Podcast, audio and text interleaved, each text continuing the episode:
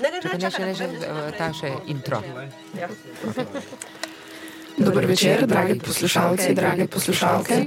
Dobrodošli v festivalski seriji Abonma Borštnik. Oglašamo se iz Maribora, sočasno s tekmovalno predstavo festivala Borštnikovo srečanje 2018. Šest kolektiva Nove pošte v produkciji Slovenskega mladinskega gledališča in Zavoda Maska. Danes z vami Nina, Marina, Zala in Mika. V seriji Abonma Borštnik spremljamo in komentiramo predstave tekmovalnega programa 53. festivala Borštnikovo srečanje. S predstavo šest. Pripravljeni? Pripravljeni. Pozor. Pozor. pozor. Zdaj. šest osvetljenih mikrofonov. Igravci se iz teme pojavijo pred mikrofoni.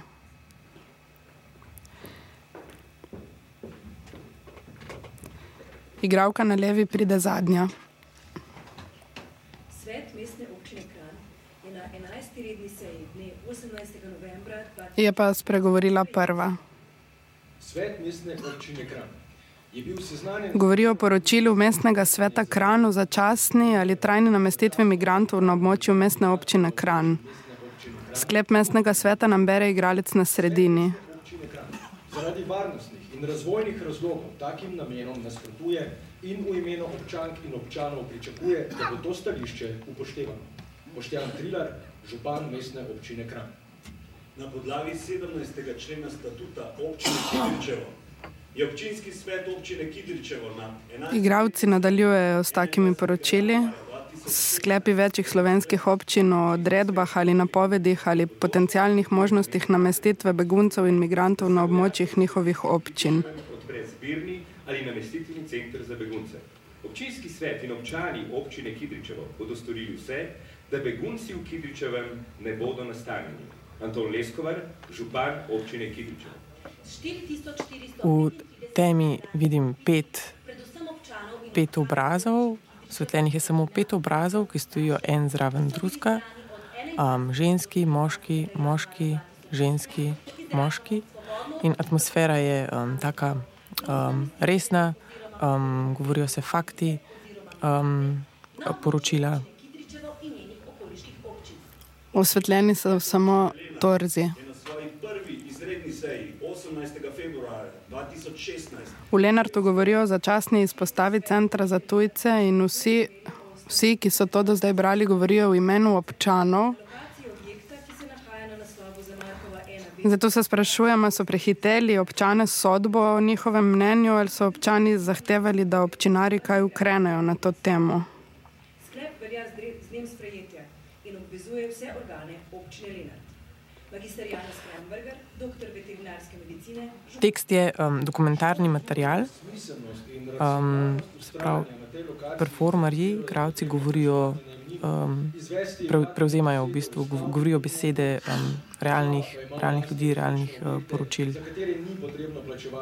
Zato poslušamo različne argumente uh, proti.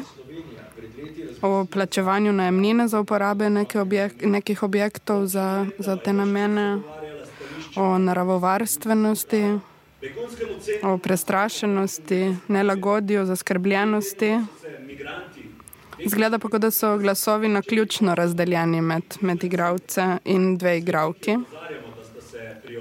Govorijo o skrbeh, kdo bo odločal o kraju vzpostavitve, koliko to stane, če bo imela občina od tega kako korist, če se bodo begunci prosto sprehajali ali ostajali za ograjo, o problemih integracije, Industrijski ulici v Lendavi. o poslabšanju splošne kakovosti življenja. Skratka, poslušamo ogromno podatkov. In atmosfera je resna, ljudje so zaskrbljeni, ljudi skrbi, organizirajo se protesti.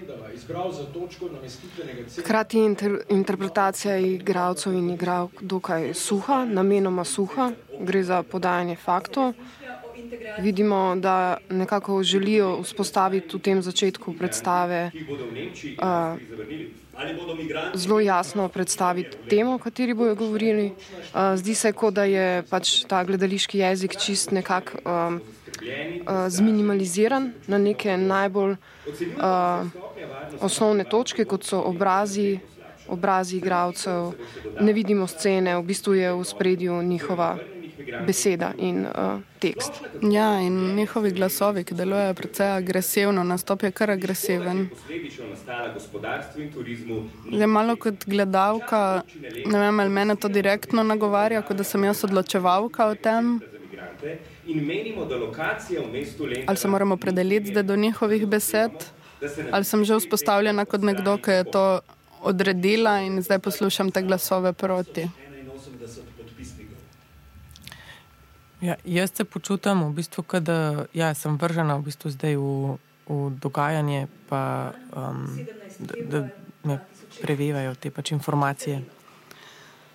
Se pa zdaj poudarek ključni preselil na igralko na levi, ki je osvetljena s toplejšo lučjo in tudi njen glas je prijazen, manj formalen kot prej.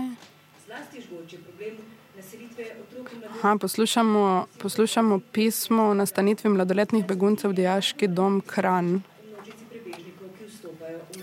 Igravka je Katarina Stegnar.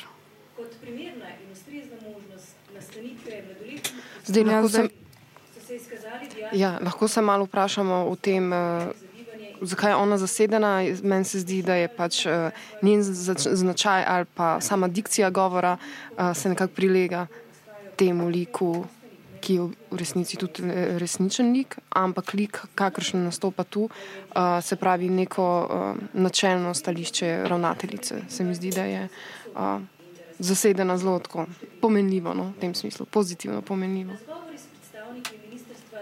Tako, zdaj smo z njo vstopili v, bistvu v, središče, v središče predstave, skratka o uh, šestih mladoletnih prosilcih za azil brez spremstva, ki so jih sprva hoteli namestiti v Dijaškem domu Kran, in se je potem situacija spremenila.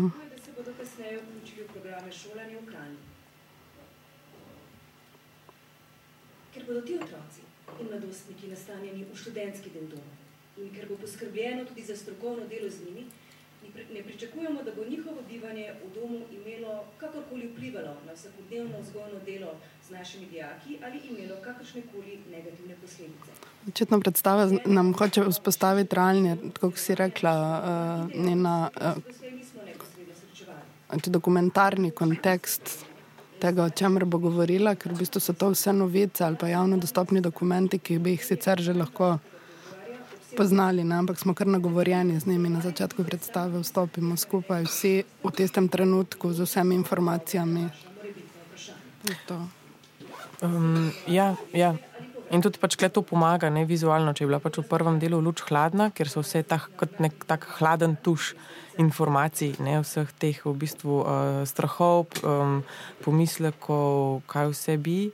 Um, pač, ja, strahov. Ne, tukaj je v bistvu ta topla luč, ki je v bistvu predstavlja nekako kontra, uh, drugo, pol, drugo pol, ne, v smislu pač um, ponud, ponuditi, odgovoriti temu hladnemu tušu, v bistvu ponuditi neko drugo.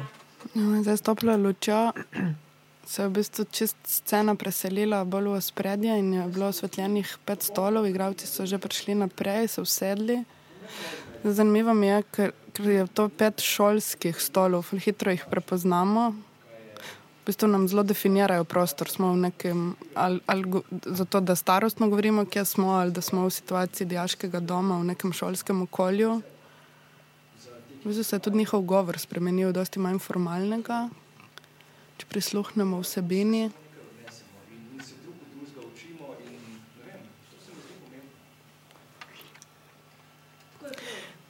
Ja, govorijo s pritrdilnimi, uh, ja, niso več formalni, so osebni.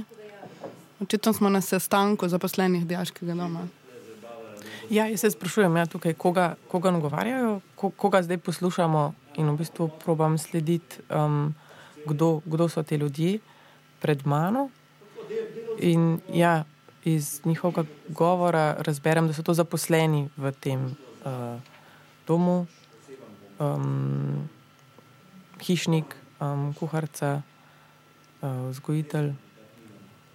In ja, atmosfera je zelo, zelo pozitivna, zelo so v bistvu um, je to neko pričakovanje, um, ja, da bodo dobili nove goste, um, da bodo prišli novi ljudje in da bo ne, to neko um, atmosfera odprta, pozitivna, uh, vsi vidijo, kakšne um, prednosti bi to lahko prenašali. Um, ja, in je recimo, ne, če smo imeli prvi, prvo sliko, ta nek hladen, hladen tuš, ki nas je oblil, pa potem druga slika, neka toplina, zdaj tukaj vstopamo ja, um, v dialog s tem. Ja, igravci in igravke so oblečeni v zelo vsakdanje oblačila, zdaj, ko so osvetljeni po celem telesu, to vidimo. Prej so bili dost, dost poenoteni. Uh, in ko pripovedujejo svoje zgodbe oziroma svoj položaj, poklicni, uh, lahko opazimo, da oni ne komunicirajo med sabo, ampak uh, pripovedujejo uh, naprej naravnost občinstvu. Uh, lahko tudi vidimo, da recimo medtem, ko tisti govori, ostali lahko so celo malo v nekem svojem svetu. Nuj, se pravi, ni, da bi reagirali na to, kar uh, govorijo. Se pravi, da je, neka, da je, da je sama struktura režije uh, zelo jasno opredeljena, da je to. Uh, zdaj ni to zgodba med njimi ali pa med neko odrsko situacijo, kakršno smo vajeni, ampak gre za neko podajanje uh, jasnih pozicij in sporočil in občuti na tej točki še. Ja, zakaj si rekla to, da so čisto uh, manj poenoteni, ne? oziroma da začnemo razlike med njimi lahko opazovati? Jaz dejansko sem začela opazovati celo njihovo telesno govorico.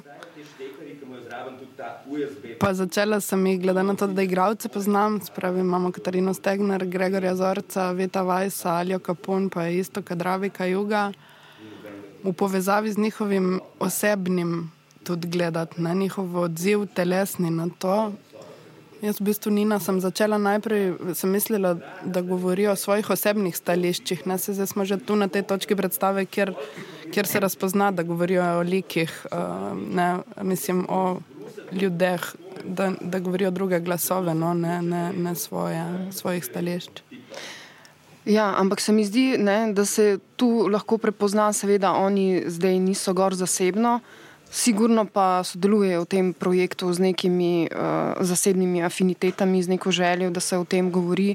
Uh, se pravi, sigurno ni uh, zasedba naključna, daleč od tega, ali pa samoumevna, oziroma vidimo tudi uh, določene osebe, ki redno sodelujejo uh, z bodi si z uh, Žigo Divjakom ali pa v nekih predstavah, ki so družbeno kritične. Uh, se pravi, da ta se mi zdi nek nivo zasebnosti oziroma njihovih nekih uh, zasebnih načel je v bistvu skoraj predpogoj, da se ta predstava sploh ne, lahko zgodi. In...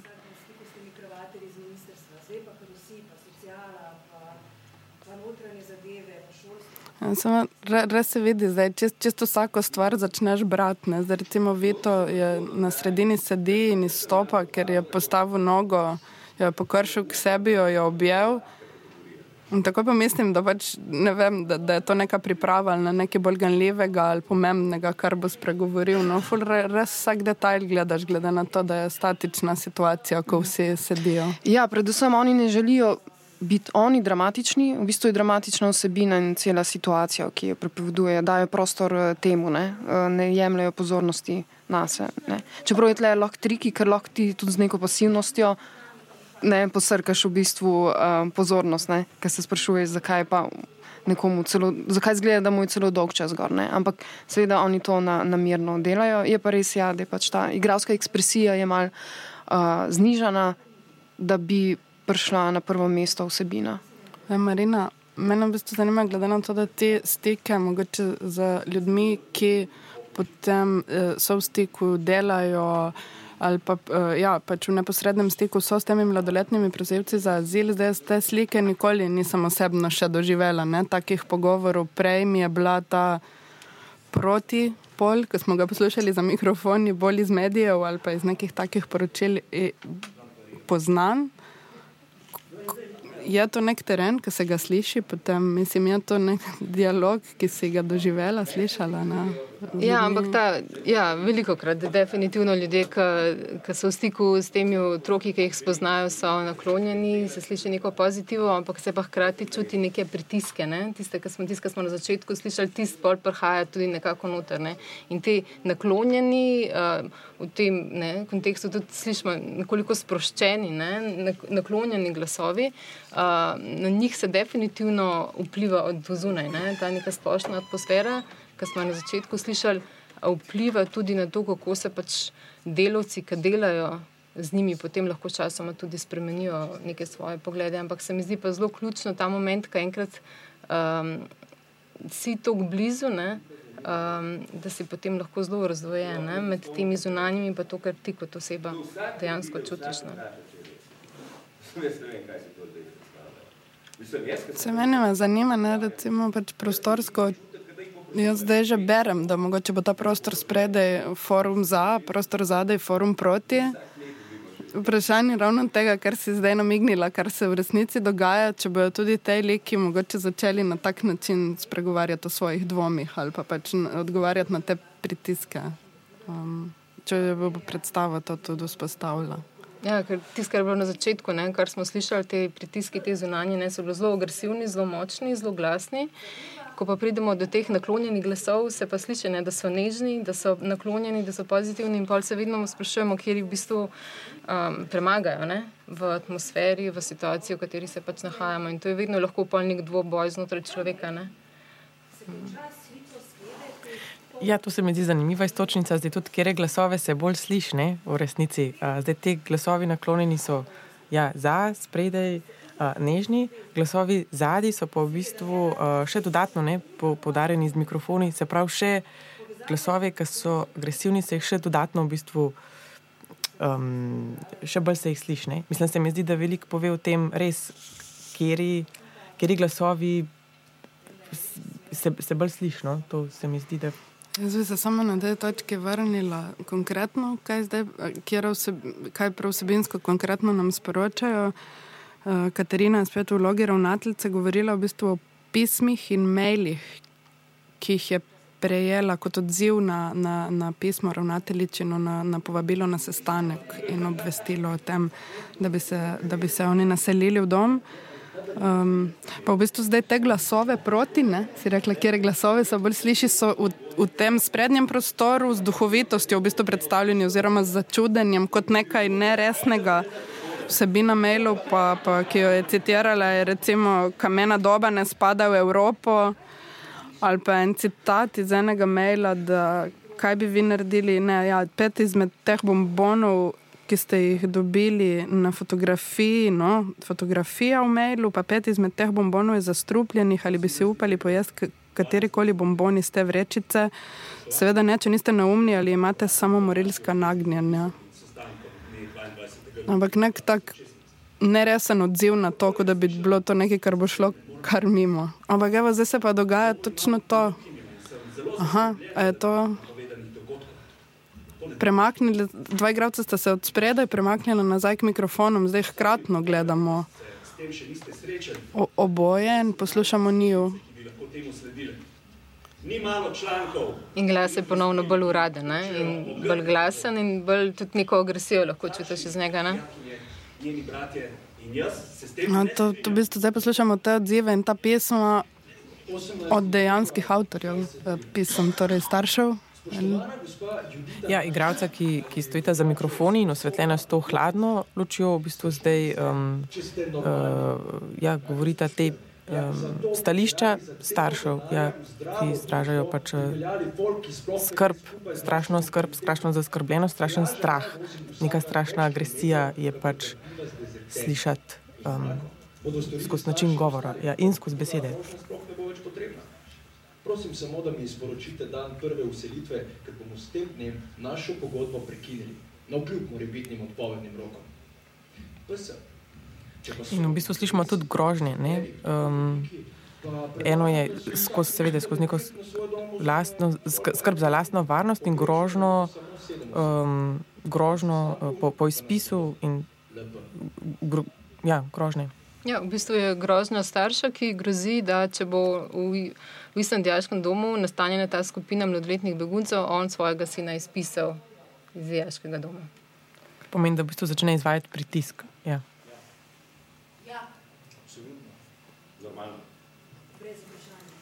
Ja. Ta, ta sprednji prostor, ki je očitno res prostor pozitive, se z neko repeticijo, z nekim refrenom, očitno oglaša na začetku vseh pet igralcev, zdaj, ali je to v zasebnem ali v, v tem, koga reprezentirajo. Vsaki, zdaj so že drugič začeli z ja, ja, absolutno, zagotovo. Ja. Jaz to berem res kot definicijo tega sprednjega prostora. Ja, in slišiš se kot odgovor na vprašanje, jaz, aha, kaj pa je odgovor, na kaj je ja, očitno ne, ste za, aj hočete. A, Ne, vprašanje ni zastavljeno. Ni zastavljeno, ampak jaz si ga pa, jaz sama, ki gledam, ki poslušam, se vprašam, kaj je, bilo, kaj je bilo vprašanje, na katerega je odgovor. Ja, ja absolutno. Ja, seveda. Ampak vidimo tudi, kako eh, kljub recimo neki kritični situaciji oziroma uh, zaskrbljenosti nad so, so, vsem tem, kar se dogaja, vidimo v tej prvi vrsti, kjer oni uh, ja, reprezentirajo te uh, posamezne poklice. Uh, na kakšen način v bistvu dozirajo tudi uh, šale ne? ali pa neko to uh, narekovajo ljudskost, ne? uh, s katerimi se predstavlja, recimo, že zdaj na prvi tretjini po, poigrava se neki, se pravi, neko surovo krutostjo življenja, in potem zdaj malo prej je govorila um, kuharica, da se je pogovarjala s sodelovko, uh, kako bo zdaj uh, te uh, njihove palačinke in ne vem kaj še uh, uh, pekla in tem. Uh, ampak v bistvu gre za nek humor, ki ga ne moreš uh, obsojati. Ne? Gre za neka pač čist, v bistvu za njih zelo praktična vprašanja, ki jih seveda formulirajo na način, ki se nam mogoče zdi politično nekorekten. Ne? Um, ampak gre za to neko preigravanje, uh, ja, da se vnašajo te nianse komičnega, ki, ki potem vidimo, vidimo, da se pač lahko zgodijo kjerkoli, ne glede na situacijo. Um, hišnik, ne, uh, Gregor. Um, Govoriti o, o tem, kot o priložnosti za prenovo nekega dela doma, ne, pa mhm. motivacijo ja. za to. So meni res, da misli, če so te duhovitosti res tudi nek vstop v to, da se o teh resnih življenjskih temah, da se lažje, mogoče tudi gledalci. Nekaj razbremenitev, ja. razbremenitev, ja, pogovarjamo, ker, ja. Zim, malo tudi skozi to se že sliši malo njihove pomisleke ali pa vseeno neke zadržke, ne popolno odprtost. Zato brez mogoče teh pritiskov nujno od zunaj, ampak notranjih pomislekov. Mm. Ja, pa tudi ta igrivost, ki je bila na začetku, se mi zdi, da zdaj že ni več to, kar se mi zdi, da na začetku so bile tudi tiste šale, ki so se sprašvali, kaj je ta, ta mnenja zunanji teh glasovi, ne, so obrnili, pač se to ni mogoče. Ne. Se mi zdi pa, da recimo še posebej ravnateljstvo, če gledamo, ne, um, da je v bistvu neka zadržanost na njeni strani. Se vidi, da, da ti zunani glasovi prihajajo predvsem do nje, ne, kot do odgovorne osebe, ne, ki se v končni fazi uh, mora odločiti, um, sicer zdaj komunicira s svojimi sodelavci, ampak um, se mi zdi ona najbolj zadržana od vseh, uh, vseh petih. Ne, nekak, um, ker je tudi v bistvu najbolj izpostavljena ne, v vsej situaciji mm. in uh, se vidi, da pač ona nima na nek način trenutka pomiritve, ko mogoče vidimo pri, pri, pri njih. Ne. Ker je več, več čas res v funkciji te pooblaščenke, ki zagovarja to stališče in predvsem ima več čas odnos eh, z javnostjo, kar je pa naporno in en velik pritisk. Kljub temu, da čuti neko podporo z njihovo uh, stranjo, ampak. Ja, tle se vidi pač držane uh, te ravnateljice, torej Katarine Stegner, da je uh, res toga zaskrbljeno nekem, nekem svojem svetu. Veliko bolj kot ostali. Ja. ja, ker ti zunani glasovi, ne, ti močni, agresivni glasovi, o katerih smo že govorili, v bistvu v prvi vrsti prihajajo najprej do nje, uh, direktno. Ne, in ona v bistvu rabi ne, podporo svojih sodelavcev, ker sam na ta način verjetno lahko uh, pelje stvar naprej v ja. pozitivno smer, seveda.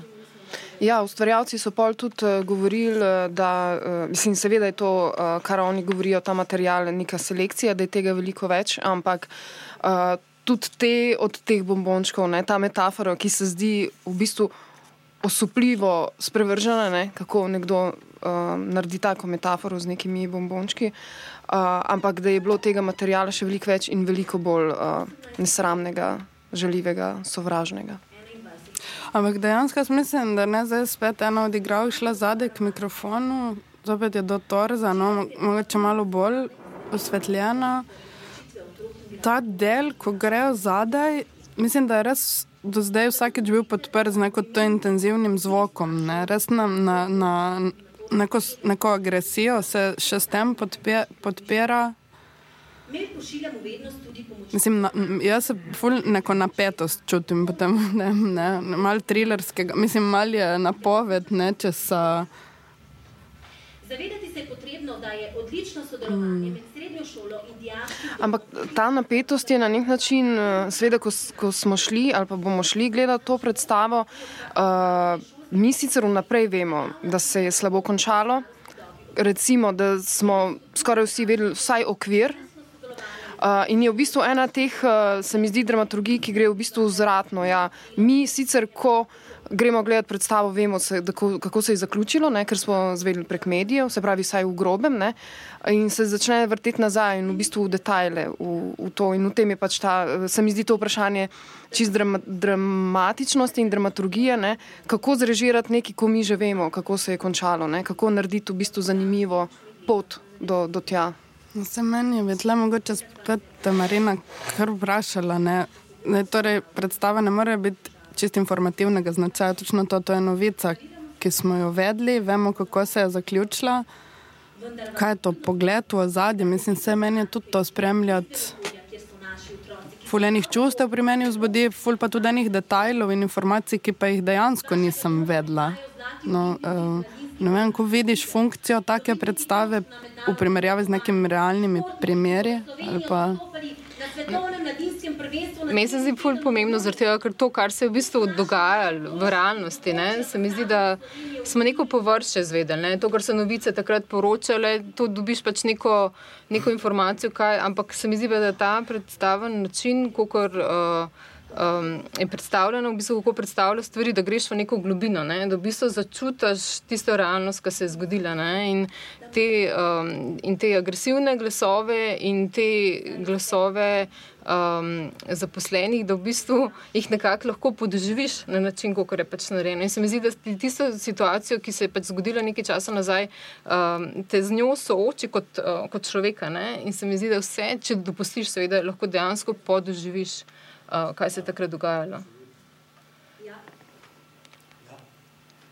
Spet referen, pozitivni.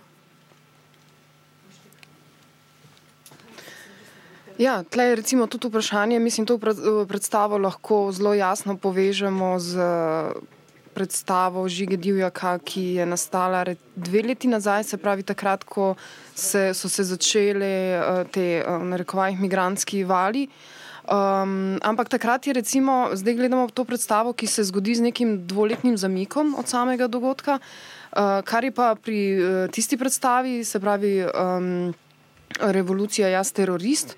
Nekaj takšnega. Uh, je pa bilo zanimivo to, da je v bistvu takrat žiga in uh, pač igralska zasedba, da so ujeli sočasnost dogajanja. Ne? Se pravi, uh, to je bilo enkrat uh, septembra oziroma jeseni in istočasno, ko smo mi gledali vse te površne populistične uh, informacije na spletnih medijih ali pa na televiziji, ki so tako seveda narejeni z namenom, ne?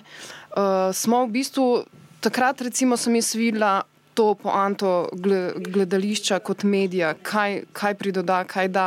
Se pravi, da če v siceršnjih eh, medijih vidimo samo ta rep dogajanja, ne, mi vidimo samo begunce, ki pridejo sem, ne vemo pa vsega v bistvu prej uh, je v bistvu, in pri tej predstavi se isto zgodi, da se razpre v bistvu zgodovina. Ne? Da dogodek, s katerim smo seznanjeni, da se nam odpre, kje se je sploh začel, kaj vse se je dogajalo. In se mi zdi, da s tem daje potem tudi nam, kljub temu, da mislimo, da, da vemo, kaj se dogaja in da imamo do tega že mogoče vzpostavljen nek pozitiven odnos, da nam doda neko uh, dodatno senzibilnost. Uh, in nek uvid v kompleksnost res situacij uh, samih. To kompleksnost, ki nam televizija, radio ne, pač nima časa ali pa nekako zaradi medija samega ne more uh, dati. Tle je v bistvu vprašanje te funkcije. ker se doskrat sprašujemo potem pri takih predstavah tudi, kaj pa je funkcija za tem, se pravi, ne? ali sploh potrebujemo, ali gledališče sploh zmožno od tega, ne? ali je zdaj, ali, ali predstava sama res teži k temu, da pa se mora zdaj revolucija zgoditi, ali je dovolj, da se zgodi ta revolucija, revolucija v meni, v eni, v eni osebi. Meni se to zdi zelo pomembna tema, ker bi se vrnili, pa mogoče tudi žigi kot režiserju in avtorju. Edino smo v točki predstave, kjer, se, kjer jaz zdaj sem postajam zmedena.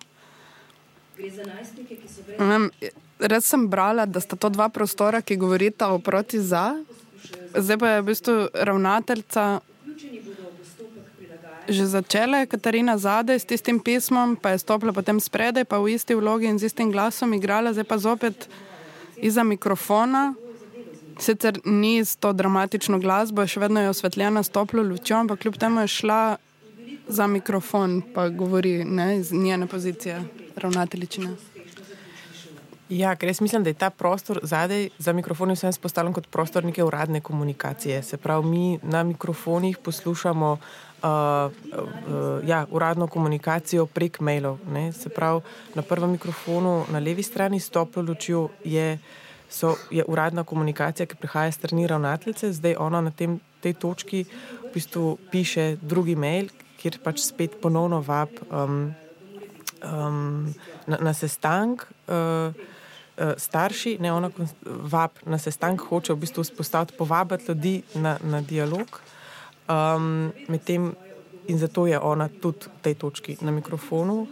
Um, ja, in na ostalih mikrofonih, lev, uh, desno od nje, so pa v hladni luči, je pa tudi mail, um, so tudi pisma uh, staršev. Tako da mislim, da se tudi na tem, uh, uh, tem drugem nivoju se tudi vzpostavljata dva pola. No? Tako zelo je ja, eh, vzpostavljanje različnih um, mnen v različnih smerih.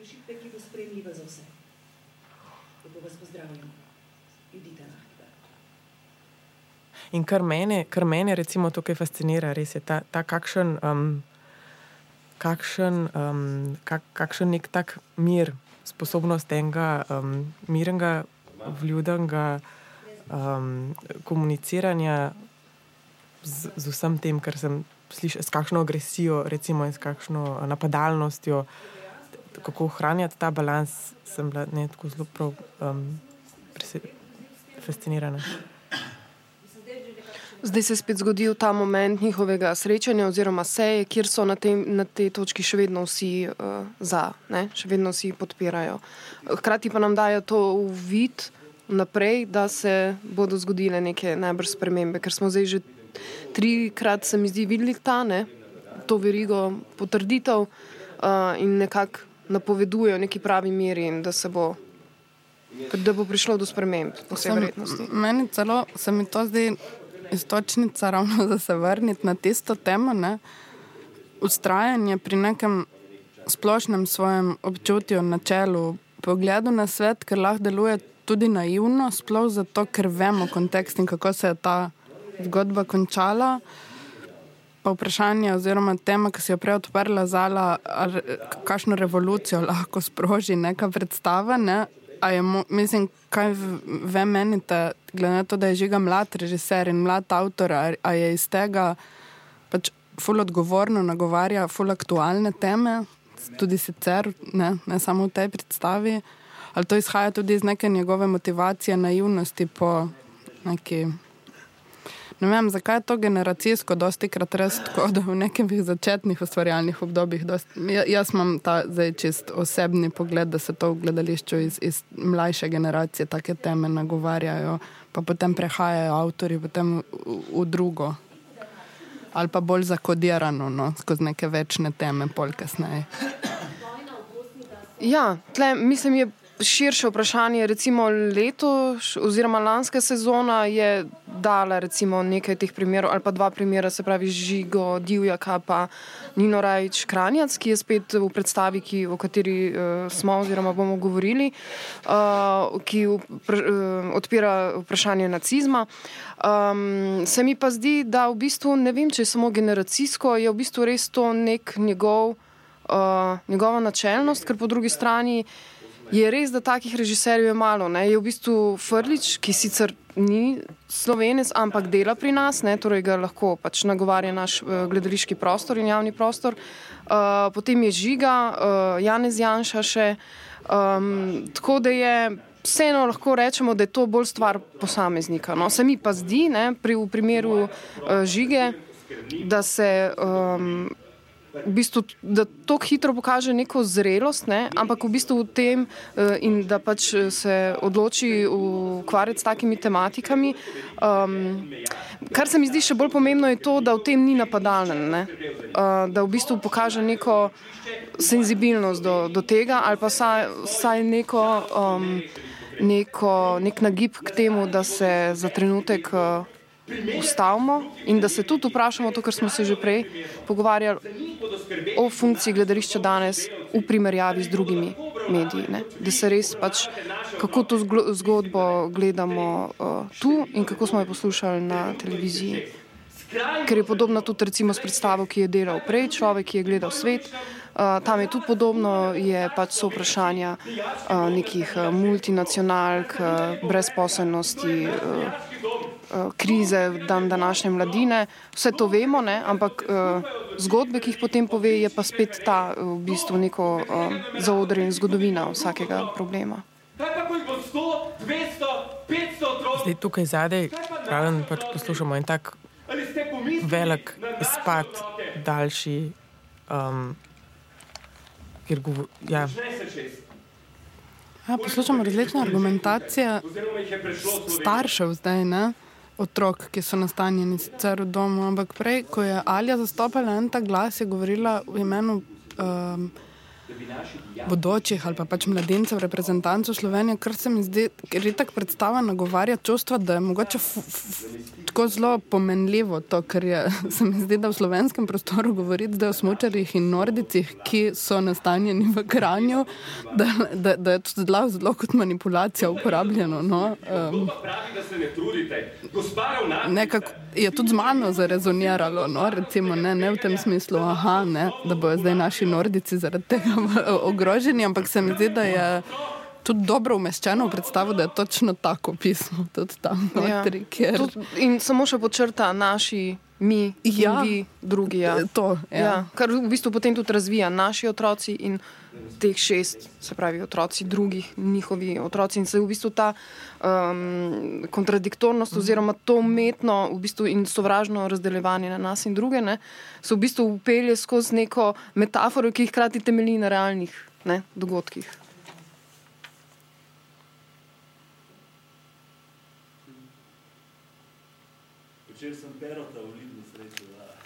Ja, in zdaj vstopamo v, v, v to zdaj peto ponovitev um, refrena, ki pa je tukaj zdaj že v bistvu ne. Če so prej vsakič rekli, ja, zdaj tukaj niso rekli, se več izrekli. Ne? Skratka, že je ta dvom ali pa ta neka zadržanost, je že zdaj se preve, preveja, preveša v neko drugo uh, stran oziroma v njih, njihovih državah lahko vidimo neko nemoč, obup, že počasi, slutnjo, da se to ne, da stvar ne bo tako preprosta, ne, da ne bo tako preprosto ostati pri sem zane, podpiram. Ja, ritem, ritem se spremenja, več je tudi nekih pauz, neke tišine, nekega premisleka. Um, ja, atmosfera se, se pač je spremenila. V zadaj že vidimo uh, fotografije teh uh, šestih uh, mladostnikov, v bistvu že kar nekaj časa. Um, to so posnetki, ki pa so sicer uh, brez besed. Uh, tudi je zanimivo, kako so um, posneti, v bistvu nekako kot da bi jim dali napotek, uh, ti samo sedi in bodi. Um, in se pač. Um, se mi zdi, da se vzpostavi ja, spet to razmerje med uh, temi petimi, na neki točki lahko pozitivnimi uh, liki, ki pa smo spet smo mi in oni. Ne? Predvsem pa ta čas, ki, ki pač posveti ta video vsakemu liku. Ne, ne odbrzimimo nas, ampak smo primorani, da, da gledamo, da jim opazujemo in seveda na neki točki začnemo gledati, hoteli, ne hoteli. Neke rasne razlike ne, med, njihov, med njihovimi obrazi in našimi. Um, in se mi zdi, da k temu tudi pač predstava uh, nekako. Uh, teži, ne, ne glede na to, koliko smo odprti, tako dolgo ti to kaže, da te v bistvu že prisili, da začneš iskati neke razlike, ki jih nisi hotel, ki jih prej nisi, ali pa niti nisi uh, hotel vsaj to počrtovati. Marina je, kakršen koli problematično zvežite v tem, da so njihove identitete tako, ali pa njihove podobe izpostavljene v takem javnem prostoru? Um. Meni se zdi zelo pomembno, da te slike so zaradi tega, ker na ta način se potem zavedamo, o kom pravzaprav govorimo. Ne? Ker predstava govori o tem, da bi teh šest otrok dejansko sprejeli v ta dejanski dom in ne govorimo samo o otrocih, o, ne, o nekaterih otrocih. Tle imamo točno na ta način prikazane njihove obraze, torej gledamo jih, a, sicer noč ne govorijo, ampak na ta način se mi zdi, da gledalcu približajo. Um, um, še bolj približajo srč predstave, o čem pravzaprav je vsebina predstave, o čem sploh govorimo. Uh, zdaj, koliko je pač problematično, jaz mislim, da so bili se oni uh, in njihovi skrbniki vprašani za ime razloženo, zakaj se gre, za kakšno predstavo, na kakšen način bo to prikazano in so se pač vsi strinjali. In, um, mislim, da so tudi verjetno sami začutili, zakaj je pomembno, da se na ta način izpostavijo. Meni je to dalo misliti, ne, ker tudi kot argumenti uh, um, proti ne, tudi, so tudi varnostni argumenti. Ne. Meni se je tle ravno to obrnilo, ne, kaj pa njihova varnost pač pomeni. Mislim, koliko se sploh odpira za res to debato. Je. Meni se zdi, kar je pač uh, ironično v tej situaciji, v bistvu mi govorimo o ljudeh, ki zaradi nekega strahu pribežijo sem, ne, iz nekih vojn. Ne. Torej, oni so tisti, ki, ki pribežijo sem zaradi varnosti.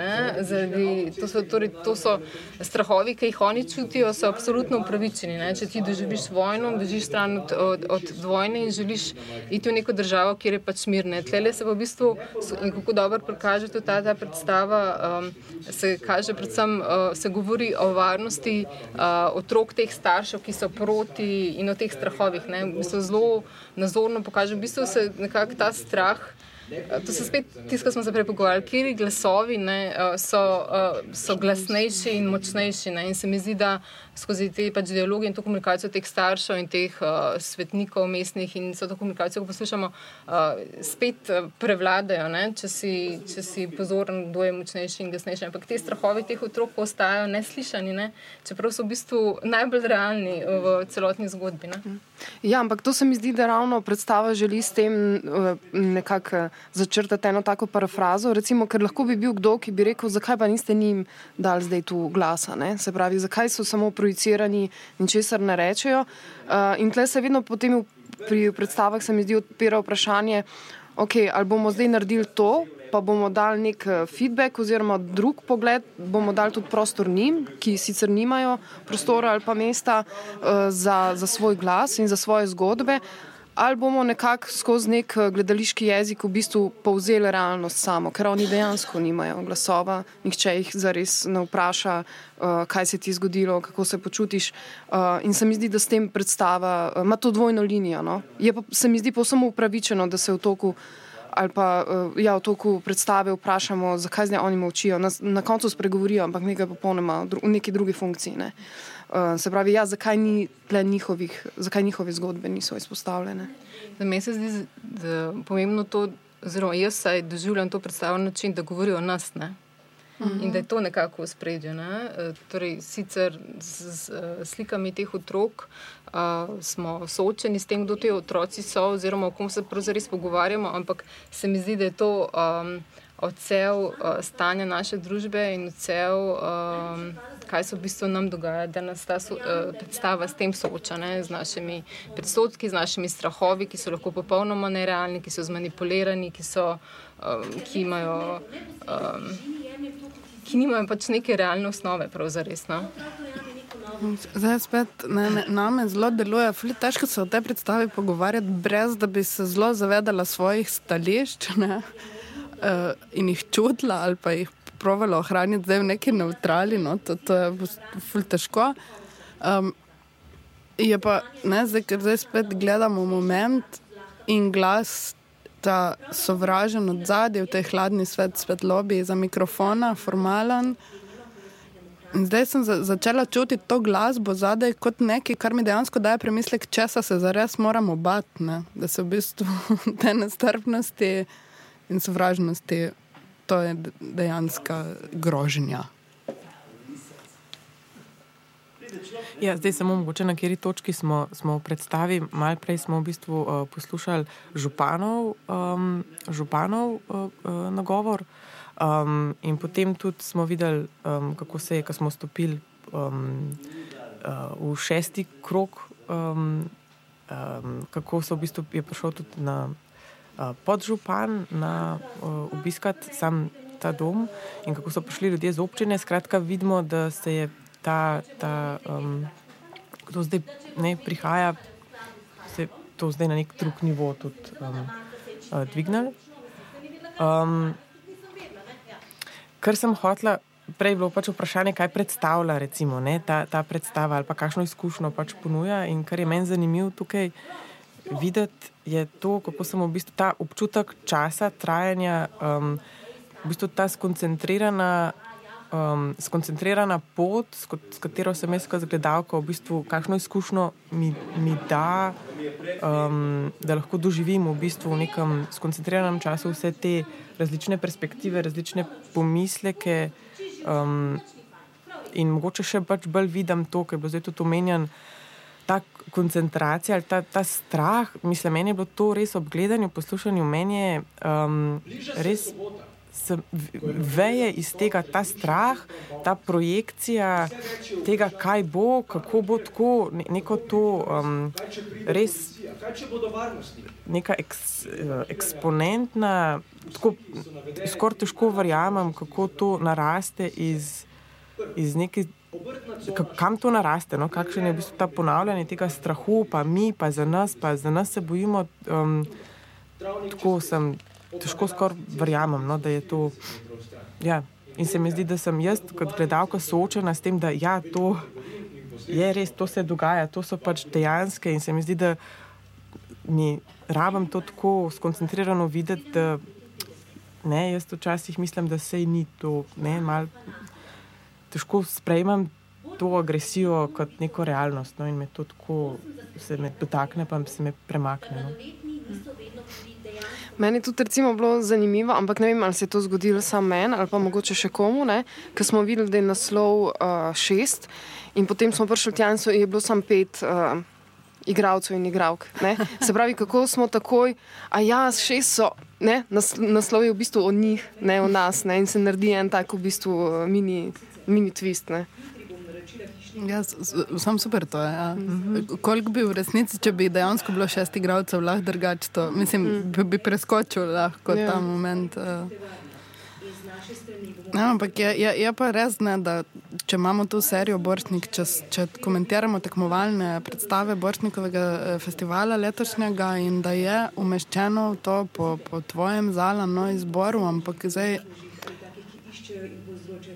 Toliko ima večji doseg ta predstava, da naenkrat to, da je umeščena v nek festivalski uh, tekmovalni program, meni v tem trenutku čisto zgubi pomembnost. Ne za to, da je vidna zaradi tega, da je da, dano s tem neko mesto pomen uh, že. Ne? Ampak da pa pomislim, da je to zdaj predstava, ki ne vem, v, v igralski izvedbi, v režiji, v, v neki pač ostalem postane predmet nekega tekmovanja, z ostalimi mi postane popolnoma nepomembno. Ja, to, v bistvu so to neka vprašanja, ki se porajajo vedno ko recimo predstava govori o nekem družbenem, uh, družbeno-kritičnem momentu, vojni, katastrofi, se pravi, uh, komu dati prednost? Da dati prednost uh, nekim avtorskim umetniškim ambicijam ali dati prednost vsebini? Um, recimo, tudi zdaj, če malo sam uh, mini digresijo naredim, recimo v času uh, vojne v Jugoslaviji, kako se je odzivalo slovensko gledališče, tako da se v bistvu ni odzivalo, ne, za začetek, mogoče na recimo nevladni sceni, kakšna dost obskurna in ožje obiskan dogodek. Um, ali pa predstave, ki so nagovarjali skozi neko metaforo, Kassandra, Antigona in te zadeve. Ampak tudi zato, ker so se v bistvu ustvarjalci nekako bali, da bojo zdaj pa oni preveč pokroviteljski, preveč patetični. Se pravi, da bojo. Zelo so tle, jaz verjamem, zelo velike ustvarjalske in etične dileme, kako pristopiti uh, k nečemu tako realnemu in tako živemu in neki tako traumatičnemu. Um, je pa res, no, to si mi zdaj spolna pač predstava ki bo zdaj na festivalu. Uh, Meni so govorili, mislim, žiga, ki sem ga srečala nekaj tednov nazaj. Uh, je rekel, da so oni pisali razpis uh, za postprodukcijo te predstave, ker je nastala v koprodukciji Mladinskega in Maske in v okviru Nove pošte. In takrat so že vedeli, da bojo na Boršniku in ne vem, vse kri možne kritike in ne vem, kaj vse niso dobili sredstev. Ne? Tako da pač, uh, ja, toliko tolik o tem ali pa se popolnoma odvijamo od predvsem prazno hišo, ki bi bolj ustrezala potrebam mladoletnih beguncev brez spremstva. Drugo vprašanje je pa tudi, eh, kako predstava zdaj na nek način eh, učinkuje ali pa zarezonira na samem eh, festivalu, kako jo gledajo tuji selektori, ki jim bo Ja, lahko rečemo na nek način, da ta popolnoma identičen kontekst bo izmaknjen, ampak na globalni ravni je to uh, so situacije, ki so, ki so, verjamem, se dogajale tudi v njihovih uh, državah, odkudar uh, prihajajo. Um, in tle, v takih primerih se doskrat tudi vidi, recimo, kako neka dokumentarna prizoritev deluje na principu metafore, se pravi, za dokumentarne predstave je um, doskrat fino in na nek način tudi priporočljivo, da poleg neke te surove, surovih podatkov in nekih uh, prenosa realne situacije, da v bistvu odslikuje tudi neko metaforo, ki nagovarja na neki drugi ravni. Ne? Ker mi, recimo, lahko zdaj težko, lahko se približamo občutju in teh um, uh, pet, petih oseb, se pravi, ne vem, kuharice, ravnateljice, uh, lahko se za ne vem, milimeter približamo neki izkušnji. Uh, Migrantov, kar je v bistvu itak ful težko oziroma nemogoče. Ne? Zato je pomembno, da se v bistvu predstave dokumentarne vzpostavijo nek metaforičen nivo, nivo kjer lahko te, te dve, ta dva različna pola mi premestimo v lastno življenje in si rečeš, kdaj sem bila jaz v taki situaciji kot oni in kdaj sem bila jaz v taki situaciji kot tam. Tako da neke, ne, recimo nekatere dokumentarne predstave to upoštevajo, druge ne. Hočem reči, če tega ne upoštevajo in če jim ti potem spremeniš prostor izvajanja, ne, lahko postanejo do, suhoparne, dolgočasne, oziroma, ki si pa res rečeš, vse lahko pa potem tudi preberem to nekje, ne, ni treba. Um, tako da se mi zdi, da pač, uh, ja, potem ta nek uh, tuji gledalec ali gledalka v bistvu je na nek način tudi kriterij prav za, te, za ta vprašanje. Ne. Koliko je zdaj izvedel nekaj, pa koliko je recimo to lahko apliciral na sebe. Na sicer druge situacije, lahko tudi absolutno manj dramatične, ampak vseeno, ne, kako se lahko potem predstavi. Jaz kot gledalka se ne pres, pred, predstavljam v pozicijo zdaj teh mladoletnikov, bolj v te glasove ali pa pozicije, ki mi jih igravci prikazujejo. Ampak dejansko se pa mi ja, dogaja ravno to, da in iz pozicije za mikrofon, in iz pozicije spredaj, ali me nagovarja, no, mislim, kakorkoli že nekako te dve pozicije, pa se, pa, pa, se dajem skozi predstavo. Tudi je ne vem, neko splošno počutje in vedno večja agresija. To je čutiti v predstavi, ne, glede na faze, v, v katerem krogu smo. Um, Vedno večja agresija, tudi glasneje, govorijo zadaj za mikrofonov, in vedno večja zaskrbljenost, vedno večja stiska teh glasov za spredaj. Ne? Vse nekako z mano komunicirano, tudi v smislu te identifikacije s temi ali pa totalne neidentifikacije, katero koli linijo, že v nekem, odvisno, ful odvisno od vsebine, kjer linijo zauzamem, se tudi menja, če ste iskreni, ne v enih stvareh, ampak potem tudi komunicira z mano ravno to, kako je to interpretirano, kako čist fizično jaz gledalce vidim v njihovem. Um,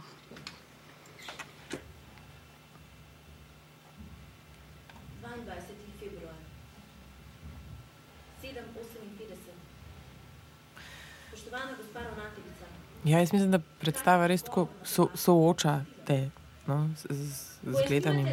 Um, in tudi zdaj to vprašanje, kako zdaj to, kako zdaj to deluje v našem prostoru ali pa v širšem prostoru, jaz mislim, da je pa tukaj res. Um, um, da je to eno, je konkretna situacija, eno je pa v bistvu človeški karakter, ne, kakšna drama se zgodi v, v prostoru, kjer ja, pride nekdo, nekdo drug veliko se uporablja tega mi, naši, oni, mm. mi tukaj, mi smo kle, vi ste tam, nekdo zdaj pride sem. Uh, kako bo zdaj to spremenil, kdo se bo zdaj uh, ne, prilagodil, ali bojo zdaj se prilagodili, ali se ne bojo, ali mi hočemo, sej nočemo, mi hočemo, da je tako, je. Mislim, to se mi zdi, da so pa take, da se da na, na tem konkretnem primeru, ki te pač, uh, mislim, mene ne, uh, stisne, pa pretrese. Um, Hkrati se pa se mi zdi, da se to tako, tako širše eh, eh, govori v, v, v trenih med, um, med ljudmi, ne? kdo si jemlje več pravice, um, vprašanja pripadnosti, kaj je moje, de, delitve. Tako se mi zdi, da to tako širše odpira, da se mi zdi, da. Jaz, kako to zdaj komunicira s prostorom izven, izven Slovenije, se mi zdi, da pač ab, ab, absolutno. Um, um, da absolutno ja, um, to. Ampak bojim se, da bomo, da bomo v tem primeru zamudili priložnost, da naše otroke naučimo živeti v družbi različnosti. In tukaj smo na točki uh, v predstavi, kjer um, se še zmeri pogajajo. Star, uh, še zmeri smo tukaj pač v fazi, kjer ravnateljica je vabila, še vabi na, na sestank, uh, starši še vedno pišejo. Uh, te maile, kjer pač rečejo, da bojo prišli ali da ne bojo prišli, ker se nočejo s tem ukvarjati. Ali, um, ne, nivo komunikacije je res zelo, zelo ag agresiven. Um, in poslušamo te pač pritiske staršev še pred samim uh, sestankom, ker v bistvu cel, cel proces, uh, ki smo mu pričali, v bistvu uh, v dogo dogovarjanje za čas pred sestankom. Um, vedno se tudi prebere, zadnji, ko poslušamo maile, se vedno tudi prebere uh, datum in pa tudi ura. Uh, to se dogaja februarja, um, mislim, da 2016. Um, in tudi v bistvu je ne, ja, ta časovni razpon. Um, Še en nivo, ki po mojem mnenju je zelo pomemben, ki ga podaja predstava, je spet ta prenos neke družbene širše slike in sicer vprašanje krivde. Ne? Kako se v bistvu krivda tle naseli v posameznika, ne? v tem primeru krivda ali pa neko sovraštvo. No?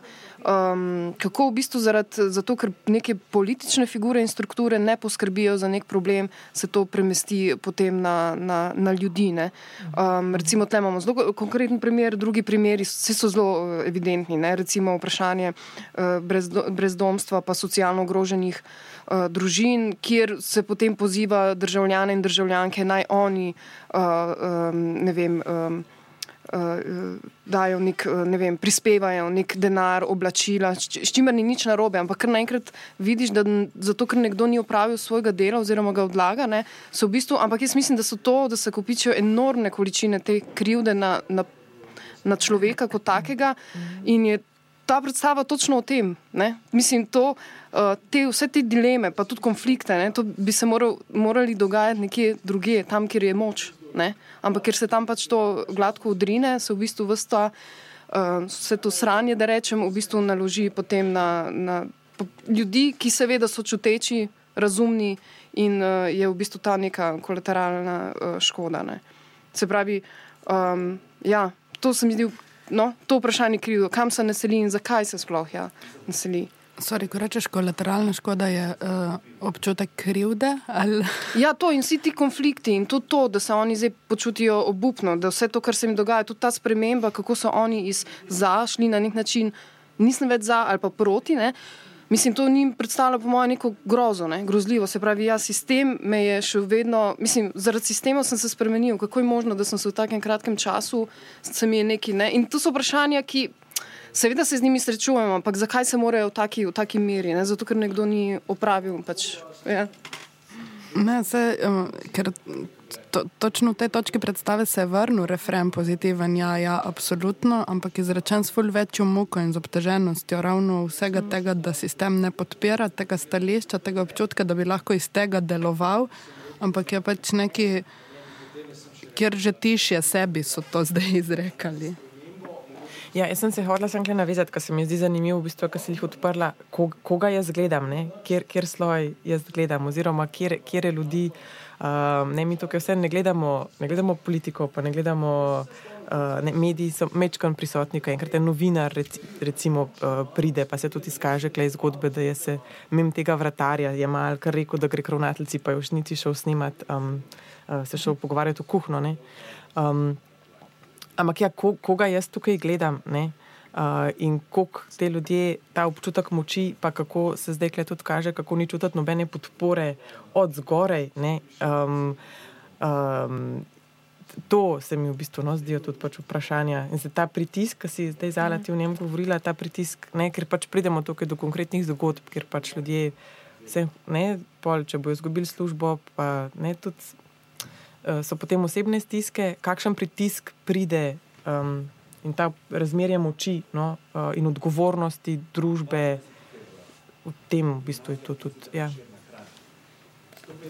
Zdaj pa je nova točka predstave, čizmi za Nsenska. Ostali so izza svojih stolov stopili frontalno na rampo, govorijo o dogodku 22. februarja v gimnaziji Franceta Prešerna, Kran.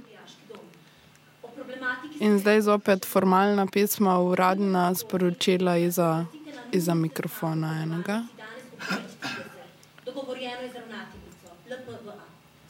Pravi se nam vzpostavlja še nov prostor in nek nov forum, očitno eh, profesorjev, zaposlenih iz gimnazije. Ne? Imamo zdaj več nek ta trikotnik, sta, oziroma ja, več glasov, četrte, že v resnici ne, so starši. Um, mestni svetniki oziroma te uradne osebe tudi z političnega sveta, zaposleni diaškega doma in zdaj še uh, gimnazija. Tu bi bilo mogoče vprašanje ali pa istočnica za Marino, ki se z um, ki prihajaš iz drugega okolja, pa mogoče kako, glede na to, da uh, me vseeno smo neposredno upleteni v neke kreativne procese v gledališče, kako sama recimo vidiš funkcijo gledališča ali pa filma, sodeluješ tudi pri festivalu migranskega filma. Um, kako vidiš to? Ne? Oziroma, kje vidiš angažiranost, kje vidiš uh, moč, kje ne moč, kje se nekaj v bistvu konča lahko tudi ali pa začne. Ja.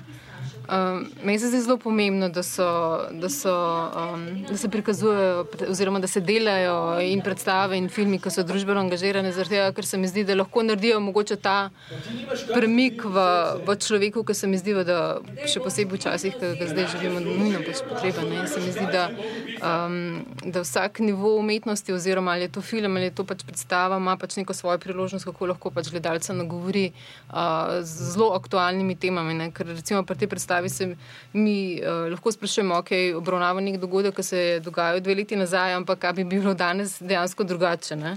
Um, ali ne bi bila ta reakcija zelo podobna ali pa enaka pač, uh, tem dogod temu dogodku, ki se je zgodil izpred dveh let. Ko se mi zdi ta družbena angažiranost skozi umetnost pač izrednega pomena, ampak po mojem mnenju premalo izkoriščena, ne? tako v našem prostoru, kot pač širše, ne? ker se mi zdi, da. Na ta način dejansko gledalcu približaš um, določene perspektive dogajanja in v bistvu ljudje lahko s tem, ko jim približaš tudi ozavestijo neke stvari, ki se dogajajo v njih, oziroma um, jih lahko premakne uh, pač tudi na pozitivno stran, uh, pozitivno razmišljanje. Ampak če bi se navezala, bi se tudi na tisto, kar si ti pač rekla, uh, vedno pač potreben premislek, kako bi lahko država oziroma politika, ki je odgovorna za, za take stvari, lahko naredila več, da do takih situacij uh, ne bi prišlo. Ne? Da dejansko ta odgovornost in ta krivda in te stiske ne bi uh, prišle na nivo nekih posameznikov, kot pač uh, uh, vidimo zdaj v tej predstavi, ampak dejansko, če bi država pripravila tako imenovano lokalno skupnost na uh, na bolj primeren način. Svet, kot si pač prej rekla, lahko govorimo o brezdomcih, lahko govorimo pač o odvisnikih, lahko govorimo tudi o protestih, ki so bili proti temu, da se, nas, da se materinski dom nekje pač postavi. Ne. Zelo uh, tako absurdnih situacijah se lahko tle že govorimo, ampak jaz mislim, da so te situacije lahko tudi posledica tega, da dejansko država, politika, uradniki ne naredijo svoje naloge, ki je pač nujno potrebno, da ljudi pač pripravi na, na, na določeno situacijo in bi se lahko sigurno te stvari tudi potem drugače odvijale. Se mi pa meni zdi ravno, da s tako predstavo, ne, mislim, če je tudi prej ta pozicija novinarja, ki gre iskat senzacionalizem ali pa v imenu dokumentarizma in realnosti, ne vem, neke izjave v kuhinjo išče, v bistvu triggerje, po mojem, za na kak način komunicira z javnostjo na vzven. In ne, če se jaz navežem na, ali pa provam svojo pozicijo na, na tvoje vprašanje, zale reči, se mi zdi, da ravno te umetniške forme nam pa pomagajo vstopiti nesenzacionalno in bolj subtilno v bistvu neke teme in so po mojem lahko orodje, način, metoda, s katerimi ravno z lokalnimi skupnostmi ali pa z, ljudi, z ljudmi in nami, ki se nas potem to vse včasih direktno, včasih indirektno tiče, lahko komunicira. Ne. Postaviti v njihovo kožo. Prej je bilo pač omenjeno, da da, um, da je bila neka učiteljica oziroma profesorica, ne, da je vstopila v predstavo še pač šola kot taka. In se mi zdi pač vse te zgodbe, kako koli je pač žalostno, da, da slišimo tudi, da so nekateri profesori uh, pač te gimnazije izrazili svoj protest proti temu, da bi bili ti otroci nastanjeni, torej profesori, um, ki ne bi bili pač nek zgled uh, strpnosti otrokom, ki pač obiskujejo šolo. In se mi zdi, da je um, to še ena taka uh, sovna, že obstoječa rana. No? In drugih usporednih razlogov. Zdaj smo na točki v predstavi, kjer je še zmeraj to pred, um, še zmeraj pred, pred sestankom in še zmeraj v bistvu strani um, ravnateljice se še zmeraj ne prej raven govorila o tem, kako se bo, vse sam mi se moramo sam dobiti, ne, se bo ta, ta neka. Um, To neko upanje v, v ta dialog, da, ne, ker v bistvu ta komunikacija do zdaj poteka med ravnateljico in uh, starši po mailu, skratka, ne, to je pač kako zdaj. Ne, um, te, ta kolektiv zaposlen se je tukaj. Um, ampak ja, ta upanje v dialog, ki se bomo pa mi v živo videli, ki se bomo ne, se, se rabimo sam pogovoriti, uh, slišati, vse se bo uh, razjasnilo, ne vse ta nasprotja. Um, to. Um, ampak ja, še zmeri pa slišimo ne, to naši, vaši, ne, recimo, ravno kar poslušamo spet en mail uh, starša, kjer spet ne, naši športniki domači, mislim, zelo velike pač te, te delitve. Ja, se tako predstavljam, nagovarja, ne? ali naša odgovornost, ali naše sovraštvo, ali našo krivdo, ravno s tem, ki je Zala tudi govorila o tej dramaturgiji, tega, da mi realno vemo, kakšen je bil iztek, nas pa to do ki smo že v eni uri predstave, ne, drži v tem času pred sestankom. Ne. Torej se nakopičijo absolutno neka pričakovanja, upanja, glasovi, češ da bo to vsaj v tem fiktivnem odrskem svetu mogoče razrešeno. E, drugače, kot vemo, da je bilo v resnici. Mogoče bi sem to rekla, kar si večkrat rekla, ta, oziroma se je bilo večkrat v meni, da vemo, kaj se je zgodilo. Uh, pa se mi zdi, da um, ja, da deluje to v, v vsakem primeru, ali vemo ali ne vemo, oziroma tudi to vprašanje, koliko vemo, koliko, ne, koliko vemo, koliko spremljamo. In se mi zdi, da je um, ne glede na to, kaj veš, kaj misliš, še zmeraj spremljaš, pač, a bo ali bo, kaj, kjer smer bo šlo. Um, ampak zdaj, no, mogoče bi uh, skočili spet, zdaj smo pa na sestanku. Um, skratka, ta sestanek, v katerem smo, je ravnateljica tudi upala, se rabimo se samo, rabimo se samo dobiti. Ne? Ko se bomo dobili, bomo lahko ta nesoglasja razrešili. Um, tukaj pa je v bistvu atmosfera precej drugačna. Ampak meni je v bistvu zelo zanimivo, kako se tu povežejo prav te uh, vprašanja športa, ne, teh športnikov. Ne. Lahko bi bilo recimo kar, karkoli drugega, ampak pride ravno do športa, kjer so zelo tanke te meje uh, navijaštva, patriot, patriotizma, ki je v bistvu samo korak do neke uh, nacionalizma. Ne? In uh, kako v bistvu se tle razprejo dve popolnoma različnih dimenzij za naše športnike in proti, uh, mislim, šport ne, kot neka dimenzija um, katero se da tudi preizpraševati, do kakšnih ekstremov je v bistvu dan danes uh, prišla, oziroma lahko pride ne? to neko zagovorništvo nekega, kakor da razvedrilnega dogodka. Ne? Čeprav vemo, da so to denari, ki se vrtijo na neki drugi strani, ne za športom. Ampak uh, res pač te uh, res. Um, um, drobni premiki, ki nek entuzijazem potem že lahko pripeljejo v neko obsesijo in potem že privrženost in, neko, in potem zmuzneš se v bistvu patriotizem in potem uh, nacionalizem na nek način. In ker je ravno v, v, v kontekstu uh, te situacije se mi zdi, da še toliko bolj ne pride do. Še toliko bolj počrta vprašanje problematičnost, uh, kakšno funkcijo in vlogo v družbi ima danes šport. Ja, ne govorimo samo o tem, da smo mi ogroženi, ampak tudi naš šport, ne, naši športni dosežki. Ne, ja, je... Identiteta naša. Ja. Ja, ja.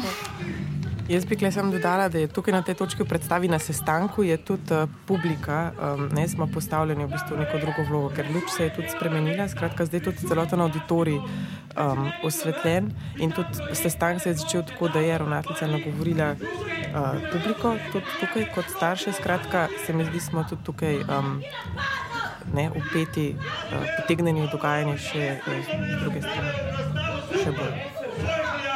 Moja predstava, moje mnenje, ne, absolutno komunicira lahko, ali se zavedaš konteksta ali ne. Se pa ona sama napoveduje za vprašanjem. Ne. Ona v svoji dramaturgiji govori, pri napovedi je um, 19.2.2016 ravnateljica Dijaškega doma Kran nenapovedano obiščeta podžupan in vodja službe za zaščito mestne občine Kran. Kako bomo to preprečili? Bom, kako bomo to preprečili? Preprečili kaj? To, da bi v Dijaški dom prišli mladoletni prosilci za azil ali to, da bi bili starši dijakov proti. Več, ja, ja, ja, ja. Ne, se, se, se, se točno strinjam. Jaz mislim, da jih v tem v bistvu napoveduje.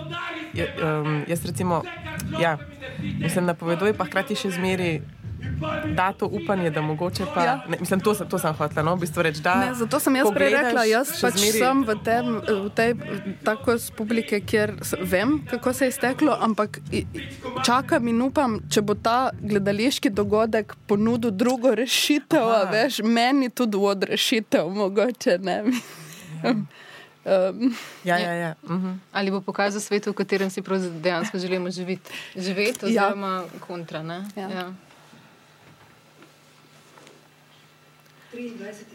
In zdaj smo v točki predstave, kjer se je ta uh, sestanek zaključil in v bistvu, kjer um, slišimo um, pismo uh, ravnateljice, kjer pove, da um, ne bojo sprejeli teh. Um, ne bojo sprejeli dijakov. Sprav, ne dijakov, se pravi. Um, teh mladoletnih oseb brez spremstva. Se ob tem pogovarjali tudi o možnosti namestitve mladoletnih prosilcev za azil v dijaški dom Kran. Na sestanku 22. februarja so skupaj z ravnateljico doma, profesorico Judito Nahtigal. Ampak ja, se mi zdi zanimivo vprašanje, no, kar uh, sta ga vidve pač lih, lih načele v smislu, a zdaj. Ka, ja, ne, a ponudam neki, kaj, kaj, bom, kaj gledam, a gledam neki, kar je, ali gledam nekaj, kar bi si želel, da bi bilo, oziroma zakaj si želim, da bi videl ne, ta želja, mogoče, da si želim, da bi, da bi videl neko drugo realnost, pa ne, ne te ali neko drugo možnost ali neko upanje, ki ga pa ne, ne, ne dobim, mogoče tukaj. Pa se mi zdi, da to tudi zanimivo učinkuje, uh, ker je pač še bolj ja, ta neka uh, nemoč. Mm povsem pojasnilo. Ne, to spet ne govori to, kar je Zala govorila, ne? kje se pol dogaja revolucija. Pa, če veš, mislim, ali je potem ti domov neseš to, kako naj bi svet potem od tu dalje, s kakšno odgovornostjo vstopati v dogodke, ki se sicer še lahko te vrste vrstijo.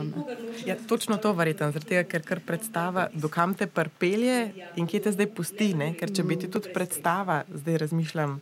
Se pravi, bi se pol v tem gledališkem dogodku zaključil, verjetno tudi ti, kot gledalka, bi pol dobila ali neko uh, predstavo, kaj zdaj bi bilo, pa se mogoče bi pol bolj zaključil. Kaj pa se v bistvu. No, bomo videli, ko se zaključi. Um, uh, ja. Ja, zato se mi zdi pač ta učinek, da je slabo, mislim, zelo težko ga je opaziti ali pa izračunati ne, na nek način. Ja, se pravi, če jaz to gledam in se v meni zgodi nek premik, neko novo spoznanje, je seveda zdaj moja odgovornost, kako bom to spoznanje posredovala naprej. Ne. Sploh, če si ti v, v, recimo, v življenju v neki funkciji. Ne. Um, recimo, lahko si, uh, ja, ali si kot režiserka, ki imaš zdaj, pač boš delala neko naslednjo predstavo, ali boš že delala z mislijo, pa ne zdaj dobesedno, ampak sam zavedanjem kompleksnosti ne, nekih razmeri. Ne, uh, recimo, ne vem, če jaz vodim nek seminar, ne, ali bom zdaj skozi te seminarje, v bistvu, ali se mi bo ta premik, kako bo vplival na to, kako bom zdaj jaz posredovala naprej neko videnje sveta, če rečem nasplošno. Zato se mi zdi, da v bistvu te premiki se dogajajo tle, ne? da je seveda iluzorno zdaj pričakovati, da se bo zdaj kar spremenilo na račun ene predstave. Ampak se mi zdi, da so to majhni koraki, ki potem nekako prihajajo do, kjer prihaja do sprememb na različnih um, nivojih in z različnimi problematikami. Ne? Ja, pa govorimo o dajanju spet prostora nekim glasovom. Zdaj, če ne nujno tu predstavi prostor uh, in, uh, za, za glas um, šestih mladoletnih prosilcev za azil, pa v bistvu ja, pač nek forum, neke debate, kjer smo mi za njih skupaj soodgovorni, ker očitno imamo vsaj v formalnem smislu moč nad njihovimi življenji. And, Ja, v bistvu, uh, kot država smo odgovorni, ne, da skrbimo. Um, še posebej za tako ranljivo skupino, ne, ker ko govorimo o mladoletnikih brez spremstva, ne vem pa če vsi vejo, brez spremstva pomeni, da dejansko pridejo sam brez staršev. Torej, to so otroci, ko so či sami in tle v tej konkretni realni situaciji se je govorilo o otrocih, oziroma šlo je za otroke med 10 in 15 leti. Torej, si lahko predstavljamo, kako je desetletnik, ki je sam, ki je recimo iz neke države, kot je Afganistan, sam pripotoval sem, Bog, sem, Bog ve, kaj se mu vse na poti dogajalo in sploh v državi. In pride v neko državo in ta država dejansko. Um, Mm, oziroma v tej državi potem naleti na tak uh, odziv. Mislim, te odzivi, tudi če niso direktno izrečeni tem otrokom, pride do, do teh otrok ne? na tak ali drugačen način. Se oni tudi soočajo s takimi situacijami, takimi odzivi večinskega prebivalstva. Ne? Ja, zdaj pa v bistvu vstopamo v zadnjo, v zadnjo zaključeno fazo te predstave, kjer um, gledamo posnetek, na katerem um, eden po eden, oziroma poslušamo uh, glas teh, teh konkretnih šestih uh, mladoletnikov, brez spremstva staršev, kjer berajo v slovenščini zavrnitve um, in obrazložitve, zakaj ne se pravi. Sprejel sklep. Občinski svet, občina Ilirska. Zavrnitve za nastanitev. In se zdaj poraja vprašanje, ko so oni dejansko brali ne? te zavrnitve, kako se to vse doživlja. Ne? Ker verjetno ob zavedanju, da, to, da, to, da se to njih tiče. Ne? Um, ne vem, Kako je to na njih vplivalo? Sem predvsem zdaj o tem razmišljal, kako so to brali. So to brali Ker dejansko poslušaš zelo grobe in agresivne besede, ki so uperjene zopr tebi. Ampak, mislim, mislim, sam, če jaz kakšen učinek ima name. To, mm. pa sem jaz, skratka, jaz sem opazovalec tega, uh, ki nisem neposredno, mislim, sem uplet. Ni to moja usoda, no, tako to sem hotel reči. Mislim, meni je to tako. Um, mislim, jaz sem, mislim, stra, strašno me to um, ja, pretreseti. Ne vem, težko sploh pač um, opišem, kako je meni to težko poslušati. Hkrati pa tudi ta spoj se mi zdi tako. Da, kdo, kdo govori čigave besede in kako to kompleksno v bistvu obrne in razpre. Um, ja, sem zelo tako no, čustven moment predstave. Ampak sicer te uradne eh, dokumente uh, dobijo njihovi zakoniti zastopniki ali pa skrbniki, ali oni to tudi dobijo, preberejo. Mislim, kdo uradno. Ko dobijo kakšno, kakšno odločitev strani države. Ja. Ja. Um, sami zakoniti zastopniki oziroma skrbniki njim je pač uročena pač odločba, papir, potem pa oni to prenesejo otrokom naprej, ne? tako da so oni tudi seznanjeni. Um, zdaj, kako se pa oni soočajo s takimi situacijami, oziroma lahko pol podoživljajo, da so zaželjeni ali pa ne zaželjeni v določenem okolju, je pa pač vsak um, to sprejme na nek svoj način. Eni so pač bolj uh, v narekovaju odporni. Ne. Mislim, je pa če eden košček v mozaiku vsega, kar so pač že zdaj doživeli. Ne. Lahko pa zelo vpliva, mislim, to, da ti dobiš občutek, da si nekje nezaželjen, kjer si upal, da se boš lahko na novo ustvaril dom, je lahko za, za osebo, ki je še zelo mlada in nima pač staršev, obseb, nima nekih tako, vse so zakoniti zastopniki, skrbniki, ampak ti vse ja. je drugačne, če je starš ob tebi, ki je pač neka oseba, ki lahko sto procentno zaupaš in na katero se lahko obrneš, kadarkoli si v neki stiski. Ne, sej, uh, to so za tebe v tistih časih, v tistem obdobju življenja najpomembnejše osebe. Lahko, uh, se mi zdi, da v stiski, v kateri so itak že potem doživeti nekaj takega, ne, kar oni tu zdaj berejo, se mi zdi, um, mislim, postane ti jasno, zakaj večina teh otrok, ki pride v Slovenijo, gre naprej. Um, če čutiš neko neko nezaželjeno spol, verjetno tudi tisto upanje, ki si ga imel, da boš tele lahko ustvaril dom, lahko izgine. Ne?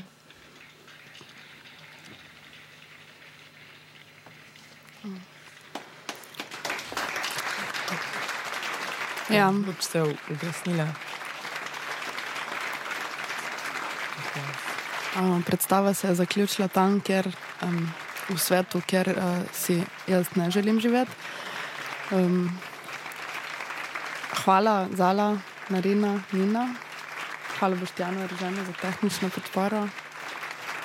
Aplaus in gremo dalje na festival. Upamo na boljši svet.